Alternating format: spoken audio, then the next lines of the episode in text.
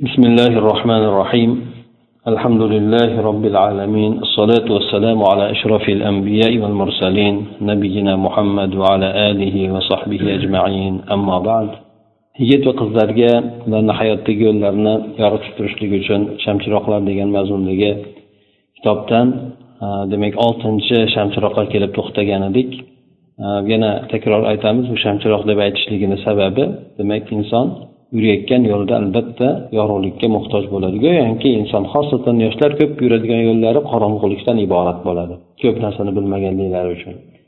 Ana shu o'rinda ular shamchiroqqa yoki bo'lmasa chiroqqa muhtoj bo'ladi yorug'likka muhtoj bo'ladi. Go'yoki bu kishi aytayotgan bu berayotgan maslahatlar insonni yo'lini topib olishligiga yordam beradigan bir ko'rsatmalar suratida qabul qilinadi. Demak oltinchisida bu kishi e'tiqodingiz nima bo'lsa siz o'shasiz degan nom qo'ygan ekan. Ya'ni insonni e'tiqodi qanday bo'ladigan bo'lsa u inson o'shanday bo'ladi. Dunyodagi holati ham oxiratdagi holati ham insonni e'tiqodiga bog'liq bo'ladi. Mana biz agar noto'g'ri e'tiqodli bo'lgan odamlarni qarab ko'radigan bo'lsak noto'g'ri e'tiqodli bo'lgan odamlar. Faqat hayoti dunyosini shu hayotini shu dunyoga bog'lagan oxiratdan hech qanaqangi umidi bo'lmagan balki oxiratga iymon keltirmaydigan odamlarni qarab o'tadigan bo'lsak ularni hayoti qanday bo'ladi? Bir mazmunsiz. Chunki ba'zilar o'sha oxiratni e'tirof etmaganligidan iqror bo'lmaganligidan demak u do'zax degan narsaga iymon keltirmaydi. Jannat degan narsani bilmaydi. Shuning uchun hayoti shu mana shu dunyo hayotida uni o'zini jannatini qurishni xohlaydi. Garchi bu narsa boshqalarni mol dunyosi boshqalarni haq huquqlarini evaziga bo'lsa ham. Ha bunday odamlarni juda yam ko'p uchratish mumkin. Kimlardir aldab ketadi kimlardir zulman tortib oladi kimlardir e, masalan obro'sini to'kadi. Boshqa juda undan ko'ra xatarli narsalarni ham qilishligi mumkin ular.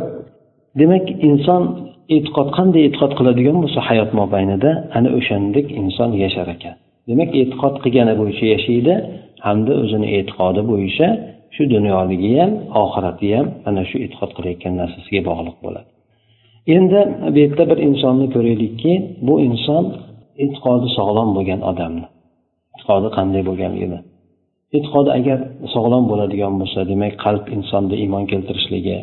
Bu odam iymon keltirishligi ham insonda har xil bo'ladi. Masalan odam aytsaki ha inson oxiratga boradigan bo'lsa endi bo'pti gunohlariga yarashacha azoblanadigan bo'lsa ham keyin baribir jannatga kiradiyu degan e'tiqod bilan inson yashaydigan bo'lsa bu odamni amallari o'lda jo'lda bo'ladi. Ha gunoh qiladigan bo'lsa hay bo'ptida endi deydi. Ya'ni bir do'zaxga baribir jannatga kirar ekanu degan odamda tushuncha bo'ladi. Shuning uchun bu odam unchalik qattiq haris bo'lmaydi yaxshi amallarga. O'rtacha bo'ladi. Bu yalik demak gunoh ham ketaveradi savobi ham ba'zi ketaveradi. Lekin odam bilsaki do'zax judayam qattiq azob bor. Unga kirgan odam juda qattiq azob tortadi. Hattoki qolib ketishligi mumkin u yerda chiqmasdan degan tushunchadagi degan e'tiqoddagi bo'lgan odamni agar harakatini qaraydigan bo'lsanglar bu odam judayam o'zidan qo'rqadi. Bir gunohlardan chetlanishga harakat qiladi. Qilib qo'yadigan bo'lsa ham allohga darrov tavba qiladi. Yaxshi amallarni iloji boricha samarali qilishga harakat qiladi. Nimaga? Chunki bu odam e'tiqod qiladida do'zaxga tushgan odam juda qattiq azoblanadi unda qolib ketishi ham mumkin. Demak u odam qanday bo'lsa ham o'zini qutqarib olishlikka harakat qiladi. Bu demak insonni qanday dunyoga yoki oxiratga qanday qarashligi qanday e'tiqod qilishligiga judayam katta bog'liq bo'ladi. Yana bir misolni keltirib o'tamiz. Bu yerda e'tiqod insonni hayotiga qanchalik ta'sir qilishligini masalan ko'p eshitgansizlar xolid valid roziyallohu anhu haqlarida. Xolid valid roziyallohu anhu haqlarida ko'p eshitgansizlar bu kishi musulmonlardan qaysi jangga kirsa g'alaba qilar edi. Ha? Musulmonlar bilan o'sha kirganda shu qaysi jangga kirmasin u kishi g'alaba qilar edi. Haqiqatdan xolidni shaxsiyati shu darajada kuchli bo'lganmi? Judayam strategik yoki bo'lmasa judayam kuchli odam bo'lganmi bu odam? Bu odamni demak hayotiga biroz nazar tashlaydigan bo'lsak birinchi musulmonlarga qarshi urushgan paytida mana uhud jangini olib ko'raylik. Uhud jangida otliq bo'lgan odamlarga u kishi boshliq bo'lgan edi. Musulmonlar qachoniki tog' tepasidan itoatsizlik qilib turib jangni ichiga kirib ketishib qolgan edi o'lja yig'amiz deb turib musulmonlar ko'rgan musulmonlarni g'alaba qilayotganligini ko'rgan paytida shunda xolid valid orqadan bostirib keladida musulmonlar tog'ni aylanib orqasidan bosib keladi keyin orqadan hujum qilib ancha muncha musulmonlar o'lib ketib qoladi bu yerda hozir judayam bir kuchli bo'lgan bir taktika boshqa narsasini ko'rmaymiz. Bu yerda to'satdan orqadan kelib hujum qildi xolos. Endi bu kishini yana hudaybiya jangida hudaybiya sulhi paytida payg'ambar sallallohu alayhi vasallam mana abduhaqiqiylar bilan eshitgansizlar o'sha sulh haqlarida ham payg'ambar sallallohu alayhi vasallam sahobalar bilan birgalikda umra qilishlikka boradi. Ular qurol olishmaydi. Katta qurol bilan ketishmaydi. Faqatgina o'sha otlariga osib kichkinagina bir qurolchalari bo'ladi. Xolos qilich shunga o'xshagan narsa. Yo'lda makkaga yetishligidan oldin hudaybiya degan joyda bular to'xtab qoladi. Sababi makka mushriklariga odam yuboradi payg'ambar sallallohu alayhi vasallam ya'ni umra qilishlik uchun kelganligini usmon roziyallohu anhu jo'natadi shu borib kelishlikka biz kirishlikka ruxsat so'rab qilganda ular ruxsat bermaydi mushriklar oxiri kelishuvga kelishadi. Keyingi yilga kelasiz ochib beramiz makkani bo'shatib beramiz sizga. Nabiy desa qaytib ketasizlar deydi shunda payg'ambar sallallohu alayhi vasallam bu yoqqa olib kelgan narsalarni so'yishadi. Shu paytlarda holid ibn valid agar kinosini ko'rgan bo'lsanglar keladi. Kelib o'sha musulmonlarni turgan paytini payg'ambar sallallohu alayhi vasallamga daraxtni tagida bayat qilayotganligini ko'radi. Ko'radi bir kir keladi uzoqdan qaraydi ya'ni u yerda u kishini aytishadiki hujum qilishlik niyati bo'lgan deydi.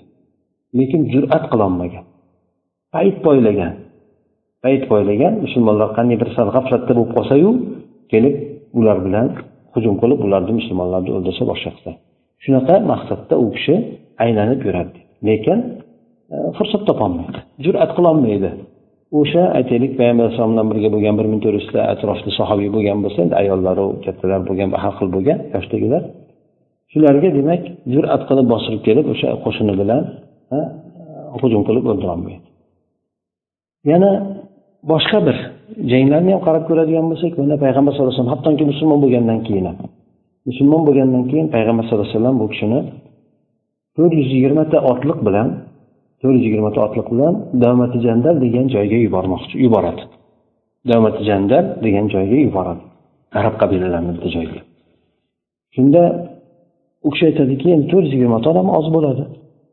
Payg'ambar sallallohu alayhi vasallamga aytadi ey rasululloh deydi o'sha borib o'sha nimani o'ldirib kelasan olib kelasan deydi akaydar degan boshqa boshlig'i bo'ladi qabilani. Yo o'sha aytadiki men shuncha kal qabilalarni ichidan o'tadigan bo'lsak u odamni qanaqa qilib olib kelamiz? Biz judayam ozchilikmiz u deydi. To'rt yuz yigirmata odamimiz bormiz xolos deydi bor yo'g'i deydi. Qanaqa qilib uni olib kelamiz deydi. Judayam katta qo'shin bor deganda payg'ambar alayhisalom aytadiki sen boravergin deydi. Sen boravergin uni mol ovlayotgan holatda topasan deydi. Ushaysanda olib kelasan deydi. Borib haqiqatdan o'sha joyga borganda yetib borgan paytda u mol ovlayotgan holatda topadi. Payg'ambar alayhisalom sifatlagan ayni holatda topadida o'sha ukaydir degan o'sha boshlig'ini ushlab olib kelishadi.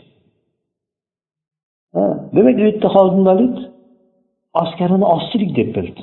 To'rt yuz yigirmata bo'lgan askar o'sha paytlarda. Sekin sekin keyin keyin musulmonlar bilan bo'lgan holatda payg'ambar sallallohu alayhi vasallam bilan bo'lgan holatlarida keyin keyin bu kishidagi o'zgarish qattan bo'ldi. Bo'lmasa aytaylik nima uchun? Bu kishi keyin qaysi jangga kiradigan bo'lsa g'alaba qiladigan bo'lib ketdi. Nima u kishi urush sirlarini yaxshi o'rganib ketdimi? Ha yoki oldindan yaxshi bilarmidi? Agar oldindan yaxshi biladi deydigan bo'lsak bu kishi demak haligi odamlarga ozgina bir odam bilan jo'natayotgan paytda payg'ambar alayhissalomga ozgina odam bilan ketyapman deb e'tiroz bildirgan. Keyin esa payg'ambar sallallohu alayhi vasallamdan keyingi boshqa paytda bu kishi shunday bir holatga tushib qoladiki musulmonlar judayam ozchilik judayam ozchilik bo'lgan paytda bir jangda ular o'ttiz mingta bo'ladi lekin dushman esa ikki yuz ellik mingta bo'ladi. Dushman ikki yuz ellik mingta bo'ladi. Yana bir jangda musulmonlar uch mingta o'ladi ular o'ttiz mingdan oshiq bo'ladi dushmanlar. Shu paytlarda ham holid ibn valid o'sha askarga qo'mondon bo'lib qoladi. Ba'zilar aytadiki voy bu deydi. Nimcha bu rum ko'p bo'lmasa deydi. Demak ikki yuz ellik mingta odam judayam ko'pda endi bo'lib ham aytadi xuddi ufqni bosib quyundek kelayotgan bo'ladi deydi oldin aytadiki ey deydi sen meni yoki sen bizni rum bilan qo'rqitasanmi deydi bilginki g'alaba adad rol o'ynamaydi bunda. Ko'pchilik bo'lishligi unda qizig'i yo'q deydi balki g'alaba alloh taolo tomonidan keladi alloh taolo tomonidan keladi qancha ozgina jamoa borki ular ollohni ustidan g'alaba qiladi. Keyin aytadiki agar deydi otiga ishora qilib aytadiki ashqar deydi ya'ni otini nomi ashqar bo'ladi. Shu otim deydi agar sog'lom bo'lgan deydi deydi. Kasal bo'ladida sog'lom bo'lgan deydi sog'lom bo'lsayu deydi. Rum yana ikki barobar ko'p bo'lganda ham mayli deydi. Otim sog'lom bo'lsayu rum ikki barobar ko'p bo'lmaydimi deydi. Demak avvaldagi payg'ambar sallallohu alayhi vasallam davrlarida jo'natgan paytda ko'rgan payti ya'ni askarini ozchilik deb tushunganligiyu o'zini qanaqa qilamiz endi deb turib keyin u kishida bo'lgan narsa adadga sanoqqa e'tibor bermasligi. Musulmonlar uni askarni o'ndan birini tashkil qilgan taqdirda ham jur'at bilan demak g'alaba alloh taolo tomonidan deb qattiq e'tiqod qilishligi. Demak bu odamda nima o'zgardi desa bu odamdagi o'zgargan narsa e'tiqod bo'ldi. E'tiqod bu odamda kuchaydi. O'sha e'tiqodiy tushuncha bo'lgan narsa bu odamda kuchaydi ana shuning uchun bu kishi keyin shu sababdan ham aytishadiki g'alabalar deydi payg'ambar sallallohu alayhi vasallam davrida yoki sahobalar davrida juda yam ko'p bo'lgan undan keyingi davrlarda ham har qalay ko'p bo'lgan lekin ozayishni boshlagan undan keyingi sahobalardan keyingi davrda afsus sahobalar davri demak to'rala xulafolar sahobalarniki kiradi. Muoviya roziyallohu anhuni ham har qalay davri ancha muncha sahobalar davriga to'g'ri keladi. Ulardan keyin yana keyin o'z o'zidan ancha g'alabalar ham ozayib ketib qoladi. Sababi nima desa sababi chunki birinchi sahobalar avlodida ularni e'tiqodi juda boshqacha bo'lgan. Ularni e'tiqodi demak g'alaba faqat alloh taolo tomonidan keladi. Insonni mag'lubiyatga uchratadigan narsa ozchilik bo'lishligi emas balki gunohlari bo'lishligi. Gunohlar qilishligi bilan insonlar mag'lubiyatga uchraydi. Gunohlardan biri birisi inson imkoniyat bo'lib turib imkoniy jangga tayyorgarlik ko'rmasligi. Bu ham gunohlardan bittasi hisoblanadi. Imkoniyati bo'lib turib jangga tayyorgarlik ko'rmay qo'yishligi ham gunohlardan hisoblanadi. Demak o'sha gunohlar sababli mag'lub bo'lishi mumkin. Oz ozligidan emas deb shunaqa nimaga kelishadi. Shuning uchun bular qaysi kiradigan bo'lsa judayam bir judayam katta bir yurak bilan kirishadida jur'at qilib ozchilikmi ko'pchilikmi jur'at qilib demak o'sha janglarda urishadi hattoki mana xolid ham aytadiki sahroga kirgan paytida sahrodan juda qisqa muddatda o'tib ketganligi sahro bilasizlar e sahro shunaqa narsaki u yerda adashishlik odamni o'limga boradi boshqa narsa emas. Oldingi bo'lib ham oldingi davrlarda. Sahroga kirgan odam adashsa bu sahrodan chiqolmaydi. Ya'ni e, oziq ovqati ham suvi ham boshqasi ham bir muddatda tugaydida hech narsa yo'q yegani ham ichgani ham hech narsa yo'q demak odam o'ladi halok bo'ladi boshqa narsa yo'q bu yerda. Lekin shunday bo'lishiga qaramasdan u kishi o'sha yerda alloh taologa tavakkal qilib kirganligi qisqa muddat ichida e, nima qilib e, askarni hammasi bilan o'tib ketganligi o'sha sahrodan ham. Bu ham o'sha sahroga kirayotgan paytda ham demak hamma narsa alloh taoloni qo'lida degan e'tiqod bilan kirib shundan chiqib ketganligi bu kishini shu e'tiqod tomoni judayam qattiq o'zgarganligini anglatadi. Demak e, bu kishi lekin musulmonlar agar undan tashqari xolid askarlik qo'mondonlikdan olgan taqdirda ham musulmonlarni g'alaba davom etaverdi.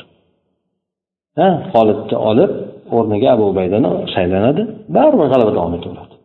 Sababi nima edi? Chunki sababi o'sha paytdagi avlod ya'ni sahobalar avlodini e'tiqodi judayam bir boshqacha bo'lganligi shuning uchun qaysi jangga kiradigan bo'lsa ham ular o'sha jangda xolislik bilan kirishligi birinchi bo'lib turib keyin keyin ko'zini oldiga hattoki ba'zilarni aytganlari bo'lganki allohga qasamki men jannatni uhud tagini uhud tog'ini tagidan topyapman hidini topyapman jannatda. Allohga qasam kabani robbisiga qasam deb turib aytgan gaplari ham bo'lgan. Shu xuddi jannat xuddi shu jannatga qarab ketayotgandek o'zlarini tasavvur qilgan. Shuning uchun bularda judayam qattiq harakatlari bo'lgan. Ana o'shandek demak insonni e'tiqodi insonni oqibatini dunyodagi bo'lgan hamda oxiratdagi bo'lgan oqibatini aniqlab beradigan narsa. Shuning uchun dunyodagi bo'lgan narsasi qaysi?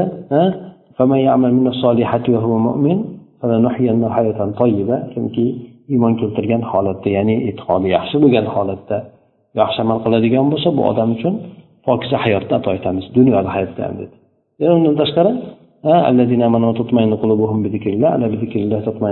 ya'ni iymon keltirgan alloh taologa Э, zikr qiladigan kimsalar deb turib ular o'sha alloh taoloni zikri bilan e, qalblar orom oladi bu dunyodagi bo'lgan mukofoti insonlarni o'sha to'g'ri e'tiqodda bo'lishligini oxiratdagi bo'ladigan e, nimasi mukofoti bo'ladigan bo'lsa bularda ko'p inson mana ko'p o'rinlarda shirk keltirmagan holatda alloh tavhidda bo'lgan holatda inson vafot etadigan bo'lsa gunohlari kechirilishligi shunga o'xshagan demak e, bulardan o'sha nima bo'lganda e'tiqod judayam kuchli bo'lganda qadarga iymon keltirishlik bo'lsin yoki oxiratda e, iymon keltirishlik bo'lsin jannat do'zaxga iymon keltirishlik bo'lsin ularga iymon keltirishligi bizlar kabi bo'lmagan jannatga ham do'zaxga ham. Ha hattoki aytadiki do'zaxda agar bitta odam kiradigan bo'lsa shu men bo'lib qolmaydi degan. Hamma jannatga kiradi bitta odam do'zaxga kiradi desa shu men bo'lib qolmaydi deydi. Yoki aytadiki hamma do'zaxga kiradi bitta odam jannatga kiradi desa shu men bo'lay deb shunaqa e'tiqodda bo'lishgan. Ya'ni jannatni ham do'zaxni ham juda yaqin ko'rishgan. Shuning uchun bularda boshqa amallariga albatta ibodatlariga ham qo'l atvorlariga ham yurish turishlariga ham albatta u narsani ta'sir qilmasdan iloji bo'lmagan. Shuning uchun ularda ibodat qiladigan bo'lsa ham ixlos juda yuqori bo'lgan mabodo gunoh sodir bo'lib qoladigan bo'lsa gunohdan tezdagina qaytishlik bo'lgan. Ha bir nimada bo'lganku ikkita sahobiy bir biri bilan sal tortishib qoladi bilol roziyallohu anhu bilan abu zar abu zar bilol roziyallohu anhuni gapni orasida aytiberadiki sen qora xotinni bolasisan deyaveradi ya'ni ayblaydi bunday erkak kishi odamni ayolni bolasi deb aytishlik uni kamsitishlik hisoblanadi o'zi erkakni bolasi hisoblanadiku endi ibn fulon deyiladi to'g'rimi masalan palonchi erkakni bolasi o'g'li deyiladi bolasi deyiladi endi ayolga nisbatlashlik u ayblash bo'ladi anchanglar bo'lib ham qora xotin bilan ayblaydi. Qora tanlilik bilan. Chunki roziyallohu anhu qora tanli bo'ladi. Hattoki payg'ambar sallallohu alayhi vasallam aytadiki ey abu zar dedi sizda johiliyat bor ekan. Johiliyatdan bir turi bor ekan sizda deydi haliyam deydi shunda u kishi aytadiki boshini yerga qo'yadida betini yerga qo'yadida aytadiki to bilol oyog'ini bilan esmagunigacha men turmayman deydi bilol oyog'i bilan ezmagunigacha deydi. Nimaga? Chunki men nafsim ko'tarildi ezib qo'yishni xohlayman degan mazmunda. Demak gunohdan tezdagina qaytishligi. Bir oyat yoki boshqa aytiladigan bo'lsa o'sha holatda taslim bo'lishlik oyatga. Mana shu narsalar demak ularni hayotlarida bo'lgan bu narsa. Shuning uchun ular e'tiqod tomonidan judayam kuchli bo'lgan allohga iymon keltirishlik bo'lsin yoki aytaylik qiyomatga iymon keltirishlik bo'lsin yo bo'lmasa o'sha qadarga iymon keltirishlik bo'lsin shu narsalarga kuchli bo'lganligidan ular jur'atan bo'lgan ularda yaxshi amallarga qattiq intilishlik ham bo'lgan gunohlardan qattiq tiyilishligan bo'lgan. Mana shu narsa demak insonni asosan oqibatini belgilab beradigan narsa ekan. Shuning uchun bu kishi ham aytyaptiki e'tiqodingiz nima bo'ladigan bo'lsa siz o'shasiz deyapti. Demak inson e'tiqodiga qarab yashaydi. Tushuncha hayotdagi tushunchasiga qarab yashaydi. Masalan bir odam e, hayot plani deydi. Hayot plani bu insonni o'sha e, reja qiladigan plani go'yoki insonni e'tiqod qiladigan narsasi. Masalan aytaylik musulmon odamni e'tiqod qiladigan narsasi hayotdagi maqsadi nima? Allohni roziligiga erishishlik ha? Demak kofirniki nima bo'ladi? Kofirniki shu dunyo ne'matdan foydalanib qolishlik. Ha? Bunday qilamiz bunday qilamiz hamma narsasi shu dunyoga qo'yadi. Lekin musulmon bo'lsa dunyo orqali oxiratga qo'yadi narsasini. Ana o'sha tomondan ham demak inson e'tiqodi qanday bo'lsa oxiratga qarashligi qanday bo'ladigan bo'lsa inson o'shanga qarab harakati bo'ladi. Ha? Bunday aytaylik odam qiziqda olib ko'radigan bo'lsak bir odam katta universitetlarda o'qiyman desa man katta oksfordga boshqa kiraman desayu maktablarda dars qilmay yurgan bo'lsa odam qabul qilishi mumkinmi? Qabul qilmaydi chunki nimaga? Chunki uni qo'ygan maqsadi boshqa lekin harakati umuman unga olib bormaydi demak inson e'tiqod bo'lgandan keyin to'g'ri bo'ladigan bo'lsa amali ham bo'lishi kerakda. E'tiqodga boradigan amali ham bo'lishi kerak. O'sha o'sha narsaga odam tushuncha hosil qilishi kerak. Aniq ishonishlik kerak. Masalan aytsaki bu yerda do'zax bor. Agar yaxshi amal qilmagan odam do'zaxga kiradi desa bu odamda shu narsa qattiq o'rnashgan bo'lsa u odam yaxshi qilishga oyoq qo'l bilan tirishadi aytganda. Chunki biladi do'zaxni qanaqa ekanligini ana o'shandek demak inson hayotda qanday maqsad qo'yadigan bo'lsa shunga qarab turib yashaydi. Hayotini yengil qo'ygan odam yengil hayot bilan yashaydi.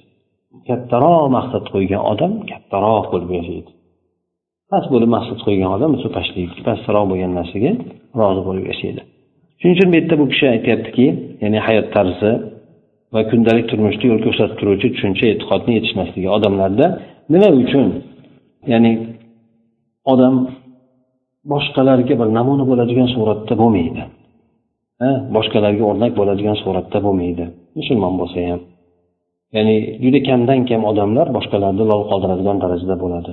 Sababi nima desa sababini aytyaptiki bular sabablari ko'p. Birisi hayot tarzi kundalik turmushda yo'l ko'rsatib turuvchi tushuncha e'tiqodga yetishmasligi odamda.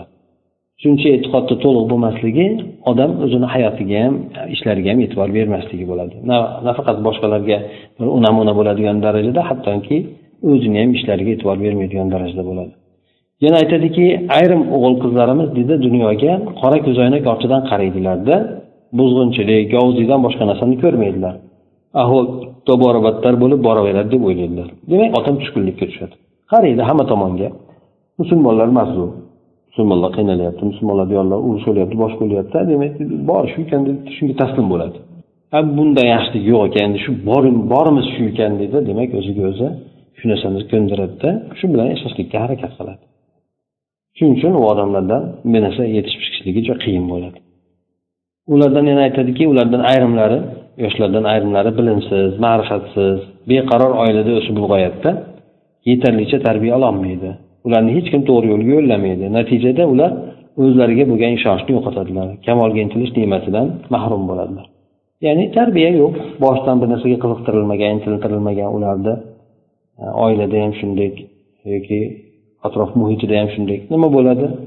O'ziga ishonchni yo'qotadi ha nima bo'lsa endi yashab o'tamizda bir narsa qilib degan nimada. Inson oldinga intilish to'liq bo'lishga intilish ne'matdan mahrum bo'ladi deydi ayrimlar esa o'ta qashshoq oilada tug'ilib qalblarida yuksaklik oliy maqsadga intilishiga joy qolmaydi. Qorin to'ydirishdan boshqa narsani o'ylamaydigan bo'lib qoladi. Nima qilsa desa boshligidan maqsadni qo'yadi. Ya'ni pul topishim kerak uylanishim kerak uy qurishim kerak boshqa qilishim kerak deydi. Bu haligi oxiratni nimasi uni ichiga qo'yilmaydi. Chunki joy qolmaydi oxirat narsasini qo'yishga. Shuning uchun bu narsalar nimani anglatadi desa aytadiki shu narsani anglatadiki har biringiz o'z dunyoqarashini tarkibiy qismlarini bir tekshirib qo'yishingki ular orasida nosoz joylari bo'lishi muqarrar. Ya'ni odam dunyoqarashi bo'lishi kerak. Dunyoqarashini hamma qismlarini ya'ni men falon narsadan nima narsani maqsad qilyapman tekshirsin o'sha maqsadida agar noto'g'ri joylari bo'ladigan bo'lsa uni darrov tuzatsin. Chunki bo'ladi. Insonni ishlari yurmayapti qanaqadir insonni kamchiligi bor. Yo'l qo'ygan maqsadida bo'ladi yoki bo'lmasa maqsadiga ketayotgan yo'lda bo'ladi. Ikkinchisi aytadiki o'zlaringga ishonchsizlik tushkunlik noumidlik o'rnini allohga tavakkul qilishlik kelajakka ishonishlik ko'tarinki ruh yaxshi gumon egallasin. Odam demak alloh taologa hech emas. Butun fasod bo'lgan muhitdan ibrohim alayhissalomni chiqardi muhammad sallallohu alayhi vasallam kelgan davrda ham shunaqa edi. Judayam qiyin bo'lgan muhitdan sahobalar yetishib chiqdi demak inson tushkunlikka tushmaslik kerak. Har qanaqangi qiyinchilik yoki e, judayam bir nomud bo'ladigan darajadagi bir muhitda yashayotgan bo'lsa ham inson alloh taologa bari umid qilish kerak allohga tavakkul qilish kerak kelajagiga ishonish kerak. Bu ko'tarinki ruh bilan amal qilish kerak. Alloh taolo yetkazadi dunyoda yaxshilar ham bor yomonlar ham bor deydi yaxshilarni izlaganlar albatta topadi. Ya'ni yaxshi odamlar bor yomon odamlar bor. Kim yaxshi odamlarni izlasa topadi. Bor yo'q emas. To'rtinchisida aytadiki uyg'onish yuksalish eshigi har doim ochiq. Inson harakat qilaman deydigan bo'lsa alloh taolodan so'rasa tugab qolmaydi. Olloh beraveradi. Inson harakat qilib teparoqqa intilmoqchi bo'ladigan bo'lsa joy topaveradi. To'lib qolmagan. Joy qolmabdi ekan deydigan narsa yo'q. Faqat dunyoda umidini uzgan tushkunlikka tushgan odam omad yurishmaganlarga quloq solmasligingiz bas ya'ni odamni himmatini pastga tushiradigan odamlar bilan sherik bo'lmaslik kerak ularni gaplariga quloq solmaslik kerak mana shu demak insonni e'tiqodi nimaga undaydi insonni e'tiqodi mana payg'ambar sallallohu alayhi vasallam aytganlar so'rasanglar firdavs jannatini so'ranglar degan. Firdavs jannati qanday jannat? Bu eng yuksak bo'lgan jannat. O'shani so'ranglar. Bu nimani anglatadi? Ya'ni inson himmati oliy bo'lsin. Ha bizga bo'laveradi bunaqasi ham bo'laveradi deb oxirat ishi unaqa bo'lmasi kerak. Yuqoriga intilish kerak qancha bitta daraja ko'paysa shunchalik u yog'i abadiy hayot abadiy hayotda shunchalik yuqoriroq darajaga erishaveradi. Ha bir vaqtinchalik emasda. Vaqtinchalik aytsaki ha bo'pti bizga. Uch xonali bo'lmasa ikki xonali ham bo'laveradi. Ha endi bir vaqtinchaku deb turib bir ikki oy yashaymiz bir ikki yil yashaymiz deb odam ko'nishi mumkin. Lekin jannatda vaqtinchalik emas birinchidan. Ikkinchidan inson qancha yuksak erishsa shunchalik mukofot kattaroq bo'ladi. U mukofot bilan inson abadul abad qoladi. Bir yil emas million yil emas aytaylik umr o'lmaydigan darajada hamma butun hayoti bo'yi shunday shunday qoladi. Demak o'sha insonni shu dunyoda qiladigan narsasi bilan yashaydigan mukofoti bo'ladi. Shuning uchun payg'ambar sallallohu alayhi vasallam himmatinglarni yuqori qilinglar degan. So'rasanglar jannat firdaus so'ranglar degan. Endi o'shanga yarasha insonda amal ham bo'lishi kerak. Haligi aytganimizdek maqsadni katta qilib oladida lekin o'zi hech qilmay yuradigan bo'lsa odam kuladi. Shuning uchun firdaus jannatini so'radim o'shanga boradigan sabablarni qilishga harakat qilish kerak. Yashaydigan muddat insonni o'n yil yigirma yil o'ttiz yil qirq yil oshiq yani balog'atga yetgandan keyin. Ham oltmishga kiradigan bo'lsa qirq besh yil yashaydi bunday aytganda balog'atga yetgandan keyin. Bu ko'z ochib yumguncha o'tib ketadigan payt. Mana sizlar ham yigirmaga kirgan bo'lsanglar taxminan orqa qarasa yigirma yil shipillab o'tib ketgan yana yigirma yil o'tsanglar yashasanglar undan keyin qarasanglar qirq yil shipillab o'tib ketgan bo'ladi. Odam sanashga ham ulgurmaydi. Yana shunaqa qilib odam ketadi hamma ketadi. Lekin inson aytib o'tganimizdek e'tiqodiga ko'ra inson qanday e'tiqod bilan yashaydigan bo'lsa o'shandek hayotda ham oxiratda ham oqibati qilgan e'tiqodiga qarab bo'ladi. E'tiqod deganda faqat tushunchani tushunib qolmanglar chunki e'tiqodga amal ham bog'liq bo'ladi. Quruq inson ishonishligini o'zi kifoya qilmaydi balki o'shanga yarasha amal qilish kerak bo'ladi. Masalan haligi aytib o'tganimizdek jannatga faqat amal qiladiganlar kiradi desayu shuni e'tiqod qilsa shuni tushunadigan bo'lsa mahkam bo'ladigan bo'lsa u odam amal qilmay iloji bo'lmaydi. Do'zaxga ham gunoh qiladiganlar katta gunoh qiladiganlar tushadi deydigan bo'lsa qattiq e'tiqod qiladigan bo'lsa bilsa bu e'tiqod degan narsa bu ishonchni eng yuqori darajasi. Ishonchni eng yuqori darajasi. Masalan aytaylik ko'rayotgan narsangizni masalan aytaylik modosga yozilgan narsasi bo'ladigan bo'lsa sal shubhalanadigan bo'lsangiz ham e'tiqod bo'lmaydi. Ha ya'ni xuddi shu narsani ko'rib oqligini boshqa narsani aniq ko'rib turgandek e'tiqod qilish kerakda. Siyolari ko'k bo'ladigan bo'lsa ko'k siyosiz zangorikmikin deb shubha qilsa ham bu e'tiqod bo'lmaydi o'zi aslida. Demak u insonda aniq bir ishonchni hosil qilish kerak. Hech ham shubhalanmaydigan qat'iy ishonch bo'lishi kerak. Demak jannatga nisbatan ham allohga nisbatan ham do'zaxga nisbatan hamma ishonchi o'shanday suratda bo'lishi kerak inson zarracha ham shubha bo'lmaydigan holatda bo'lishi kerak. Ana shunday qilgan odam e'tiqod bo'yicha hayotda yashaydi. Chunki u odam uchun ya'ni aniq biladi do'zax bor jannat bor qanday narsa bo'lsa do'zax kiradi qanday bo'lsa jannat kiradi aniq biladi bu narsalarni. Shuning uchun shu hayotda shunday e, e'tiqodda shunday tushunchada inson yashashga harakat qiladi. Bu odamni aytgan gapi ham mana shu narsaga borib taqaladi. Ya'ni siz qanday e'tiqodda bo'ladigan bo'lsangiz bu dunyoda siz o'shasiz. E'tiqodingizga qarab turib baho beriladi. Dunyoda ham oxiratda ham. Allohni nazdida ham inson e'tiqodiga qarab turib nimasi e, obro'si yoki maqomi shunga qarab belgilanadi. Qanchalik inson boy badavlat bo'lsin e'tiqodi bo'lmasa u odam yo'qdek hech qanaqa allohga qizig'i yo'q unadi lekin inson kambag'al bo'lsa ham e'tiqodi kuchli bo'ladigan bo'lsa amali kuchli bo'ladigan bo'lsa bu odamni allohni nazdida judayam katta e'tibori bo'ladi. Mana shunday demak bu kishini aytgan narsasi yoshlarga ko'proq e'tiqodini o'nglashligi hayot tushunchasini o'nglashligi dunyoga qarashlik tushunchalarni o'nglashligi agar kamchiliklar bo'ladigan bo'lsa to'g'irlashligi mana shu narsaga e'tibor berishlik bu kishini narsasidan maqsadlari allohu alam سبحانك اللهم وبحمدك نشهد أن لا إله إلا أنت نستغفرك ونتوب إليك. اللهم انفعنا بما علمتنا وعلمنا ما ينفعنا وزدنا علما.